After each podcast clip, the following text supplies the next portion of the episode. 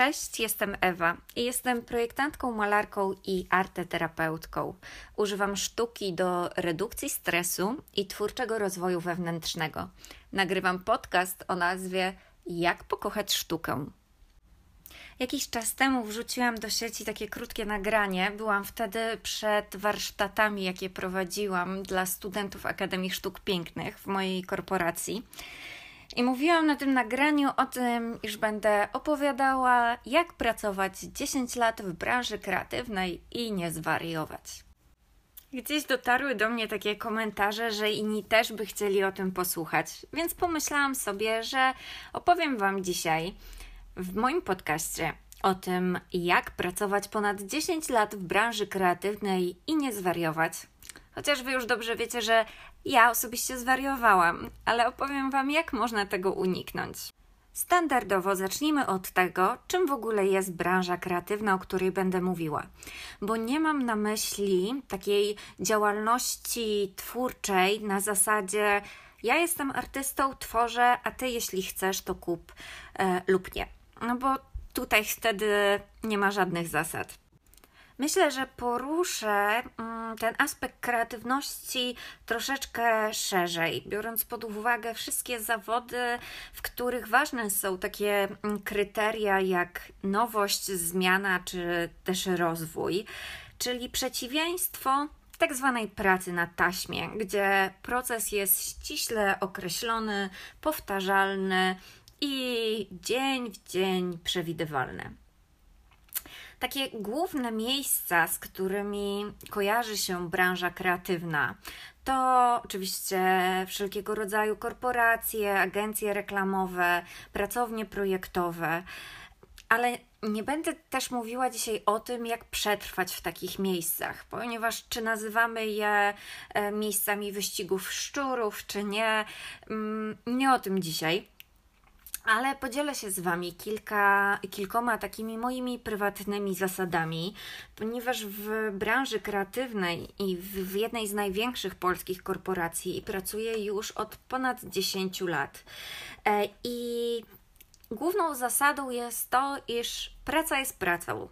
Często, kiedy wchodzi gdzieś tutaj taki klimat tworzenia czegoś nowego, pracy w jakiś sposób artystycznej, bardzo często przypisujemy tym zawodom taką plakietkę pasji. Na zasadzie pasja jest. E, moja praca jest moją pasją. Jeżeli znajdziesz pracę, która będzie Twoją pasją, nie przepracujesz ani jednego dnia, ani godziny w swoim życiu. Otóż nie jest to prawda. Praca jest pracą, nawet jeżeli zrodzona jest ona z Twojej pasji. Praca ma swoje zasady, praca wymaga od Ciebie pewnej efektywności, wymaga od Ciebie bycia na mm, określonych obrotach, ale też wymaga od Ciebie odpoczynku, bo właśnie odpoczynek jest też bardzo ważną częścią pracy, a szczególnie kiedy spojrzymy na ten czas wolny od pracy w kontekście kreatywności, bo tam tak naprawdę w tym czasie wolnym znajduje się paliwo, którym możemy te nasze pokłady kreatywności zasilić bo praca jest czymś stałym. Bardzo często jest to to samo miejsce, do którego przychodzimy e, w tych samych dniach tygodnia, o określonych godzinach. Pracujemy z tymi samymi ludźmi przy tym samym biurku, siadając na tym samym krześle i jak w moim przypadku, mniej więcej z mniejszymi, większymi zmianami, tak od 10 lat. A to, co pobudza naszą kreatywność, to jest nowość to są nowe doświadczenia, nowe bodźce, które wprowadzamy do naszego życia i do naszego organizmu.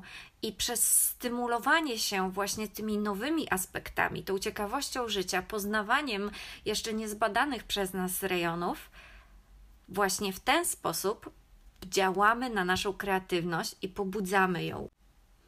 Ok, zanim przejdziemy jeszcze do eksplorowania tej tajemniczej materii, jaką jest kreatywność, kilka takich zawodowych faktów.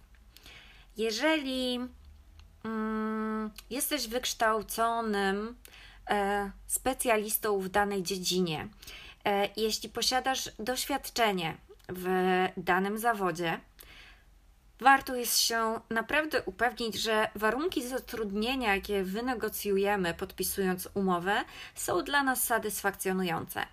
W przeciwnym razie, takim głównym motorem naszego działania zawsze będzie chęć awansu i podwyżki, co się wiąże przede wszystkim z zadowoleniem innych osób e, i uwaga, bo prowadzi do tego, że w dłuższej perspektywie można zwariować. Kolejna rzecz to według mnie takie najtrudniejsze do osiągnięcia przekonanie o tym, iż robimy to, w czym jesteśmy najlepsi. Jesteśmy ekspertami w tym, czym się zajmujemy.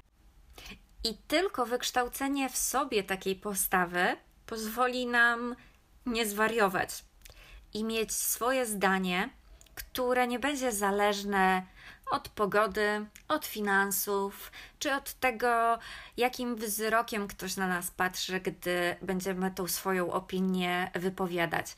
I tak naprawdę jest to znacznie trudniejsze od takiej postawy zadowalania wszystkich w koło w swoim najbliższym otoczeniu, bo zadowolenie samego siebie to nie jest taka prosta sprawa i dlatego dzisiaj e, o tym zadowoleniu właśnie i takiego czerpaniu e, satysfakcji płynącej z, we, z wewnątrz, a nie z zewnątrz, no dzisiaj przede wszystkim o tym e, będę mówiła. Bo tylko gdy to zrozumiesz, będziesz w stanie zastosować moją ulubioną zasadę, czyli nagradzaj i chwal się sam. Tak samo jak sam stawiaj sobie wymagania, cele, organizuj swoją pracę i przede wszystkim rób. Bo kiedyś już opowiadałam o tym satyrycznym rysunku, który przedstawia strukturę nie tylko każdej firmy, ale większości środowisk, w jakich się znajdujemy, czyli ludzie ustawieni w trzech kolejkach. Pierwsza z nich, zdecydowanie najdłuższa, to ci, którzy chcą krytykować. Druga, trochę krótsza, przedstawia te osoby, które chcą radzić, radzić jak coś dobrze zrobić, jak coś poprawić. No i trzecia kolejeczka, która jest taka zdecydowanie najkrótsza. W niej stoją tylko ci, co chcą robić. Okej, okay, dobra. Robić, robić, robić. No ale skąd wiedzieć, że już jest dobrze? Skąd wiedzieć, że wystarczy? I to jest pytanie, które nie tyle co pytanie, tylko odpowiedź, która musi wypłynąć z nas, z wewnątrz. I odpowiedzi tej nie możemy szukać w świecie zewnętrznym. I odpowiedzią na to pytanie jest taki moment, taka chwila, która jest bardzo charakterystyczna właśnie dla takiej pracy, mm, której atrybutami jest nowość, rozwój, innowacyjność. E, I tutaj mm, nie mówię e, jedynie o branżach artystycznych, branżach e, kreatywnych, ponieważ uważam, iż dobra księgowa, a już w ogóle dobry na przykład inżynier, czy ktoś po Polibudzie, na pewno zna to uczucie i zna ten moment. Moment, kiedy moment, który ciężko mi jest opisać słowami, ale dzisiaj rozbierzemy go na takie czynniki pierwsze e, i każdy z Was e, na pewno zrozumie, o czym mówię, bo z pewnością, jeżeli doświadczyliście kiedyś, poczuliście taką satysfakcję ze swojej pracy, to znacie ten moment i tą chwilę, o której mówię. I aby dokładnie się jej przyjrzeć z każdej strony, podążymy trochę słowami Wojciecha Eichelbergera e, i tym, o czym mówił na wykładzie, który wygłosił któregoś dnia w Wyższej Szkole Psychologii Społecznej i on tam mówił o mindfulness. Ja dzisiaj absolutnie nie chcę wchodzić w zagadnienia mindfulness, e, chociaż no, będziemy blisko, bo czasami wykorzystam wręcz dosłownie jego słowa po to, aby opisać ten moment i tą chwilę, e, którą my dzisiaj tutaj się zajmujemy. Dobrze, więc zaczynajmy. Kto z Was pamięta tą chwilę, ten moment, kiedy poczuł taką silną satysfakcję z tego, co stworzył, z idei, e, jaką wymyślił, z swojego projektu, produktu, pomysłu. Przypomnijcie to sobie. Przypomnijcie sobie ten, tą chwilę i ten moment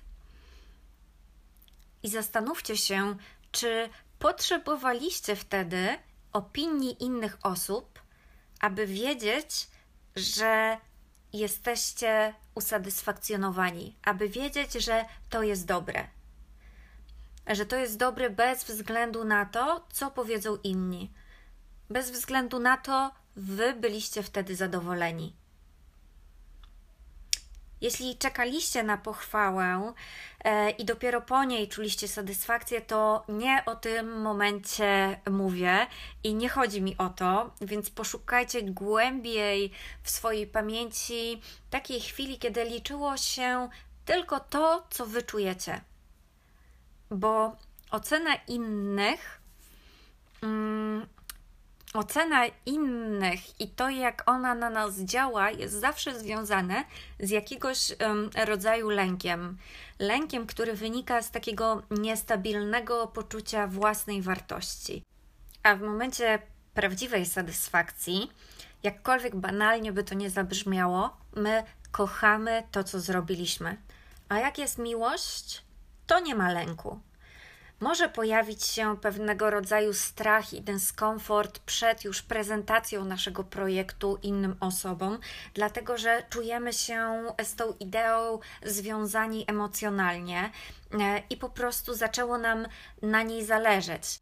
Ale chodzi o momenty, kiedy od początku, bez względu na to, co powiedzą inni, my czuliśmy satysfakcję i zadowolenie. Ok, każdy ma teraz w swojej głowie, w swojej pamięci dokładnie ten moment, kiedy bezwzględnie, bezwarunkowo wierzyliśmy w to, co stworzyliśmy. I teraz zastanówcie się, jaka była ta chwila, jakie cechy miała ta chwila i przez co wybraliście ten moment jako definicję swojego poczucia satysfakcji. Ja też mam w głowie moją chwilę, mój moment. Mm, I powiem Wam, że przede wszystkim był on niezwykle. Chwila była niezwykle lekka. Ta chwila była mm, takim spełnieniem. Był w niej ogromny ładunek e, energetyczny, dający mi motywację e, i chęć do działania.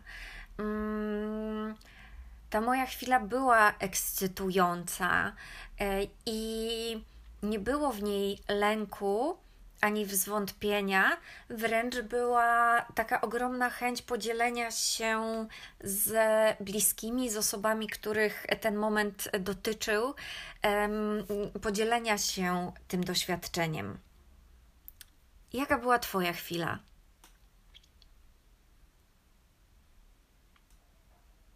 A teraz zastanów się, jak wyglądała Twoja praca nad tym rozwiązaniem. I tutaj mm, Oczywiście każdy z nas ma swoje schematy pracy e, i jedni wolą pracę spokojną, inni dynamiczną. Jedni wolą sobie wszystko zaplanować, inni wolą robić na ostatnią chwilę, bo wtedy rzeczy wychodzą najfajniejsze pod wpływem takiej delikatnej albo też bardzo mocnej presji. E, jedni lubią pracować w nocy, inni o poranku. Jedni wolą pracę indywidualną, mm, drudzy stawiają na zespół. Zastanów się, jakie cechy miała Twoja praca, mm, która doprowadziła Cię do tego e, momentu tej satysfakcji. I jest taki moment wspólny tego wszystkiego. Czyli to, iż przed tym byliśmy tak pochłonięci, tak zapomnieliśmy się w tym, że straciliśmy poczucie czasu. I to jest też takie charakterystyczne, że energia w tej chwili jest tak potężna, że zatrzymuje czas. Nie ma czasu. Czas znika. Wracamy jeszcze raz konkretnie do tego naszego momentu. I odpowiadamy teraz na pytanie, czy był to odlot, czy przylot? Odlot czy przylot? A teraz zastanówmy się, jakie są cechy czegoś odlotowego. Jest to coś dziwacznego, szokującego, zaskakującego. No i wbrew pozorom, wcale nie jest trudno stworzyć coś dziwacznego, a szczególnie w branży kreatywnej. Ja zawsze podkreślam, iż lubię tą definicję kreatywności, która mm, polega na połączeniu w nowy, nieoczywisty sposób dwóch rzeczy już istniejących. A odlot polega na utraceniu kontaktu z rzeczywistością, na postradaniu zmysłów. Czy więc dobry projekt? Czy na pewno ta chwila, o której mówimy, była odlotem? czy może raczej przylotem, czyli czymś bardzo realnym, czymś, co wręcz urealnia nas, nas samych.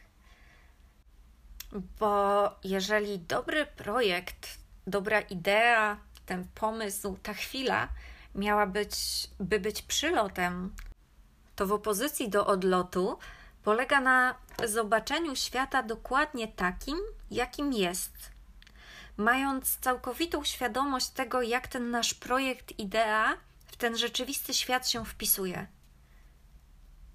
Bo właśnie dobry projekt to przylot.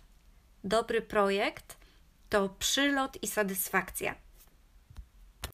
A pytanie o to, jak pracować 10 lat w branży kreatywnej i nie zwariować, to pytanie o to, jak nie zwariować, czyli jak zostać przy zdrowych zmysłach, czyli jak nie odlecieć. I kolejne pytanie każdego produktywnego i ambitnego człowieka brzmi: jak sprawić, aby te dobre projekty, aby te magiczne chwile i momenty satysfakcji przydarzały nam się częściej? Jak zrobić, aby częściej przylatywać, aby tych przylotów było więcej? Ale nie to jest najważniejszym pytaniem. Bo najważniejszym pytaniem, bez względu na to, czy zadajemy je w kontekście mindfulness, tak jak zrobił to Eichelberger na swoim wykładzie, czy też zadajemy je sobie teraz, e, rozmawiając o swojej pracy zawodowej, najważniejsze pytanie brzmi: jeśli przylot zdarza nam się tak rzadko, to gdzie jesteśmy przez większość swojego czasu? Jeśli przylot zdarza nam się tak rzadko, to gdzie jesteśmy przez większość swojego czasu. Bo od początku nie mówimy o 8 godzinach dziennie. Mówimy o chwilach i momentach w naszej pracy, gdzie musimy się zastanowić, aby przywołać je w pamięci. Więc skąd bierze się ich rzadkość i swojego rodzaju trudność w ich osiąganiu? Co robimy źle? Dajmy się jeszcze przez chwilę poprowadzić pytaniom Eichelbergera i Niech każdy z Was teraz w tym momencie położy swoją dłoń na miejscu swojego ciała, w którym teraz jest Was najwięcej. Możemy położyć dłoń na głowie jako symbolu naszych myśli i naszych umysłowych analiz. Możemy położyć dłoń na sercu jako symbolu swoich emocji i odczuć oraz na brzuchu jako symbolu ogólnie naszego ciała.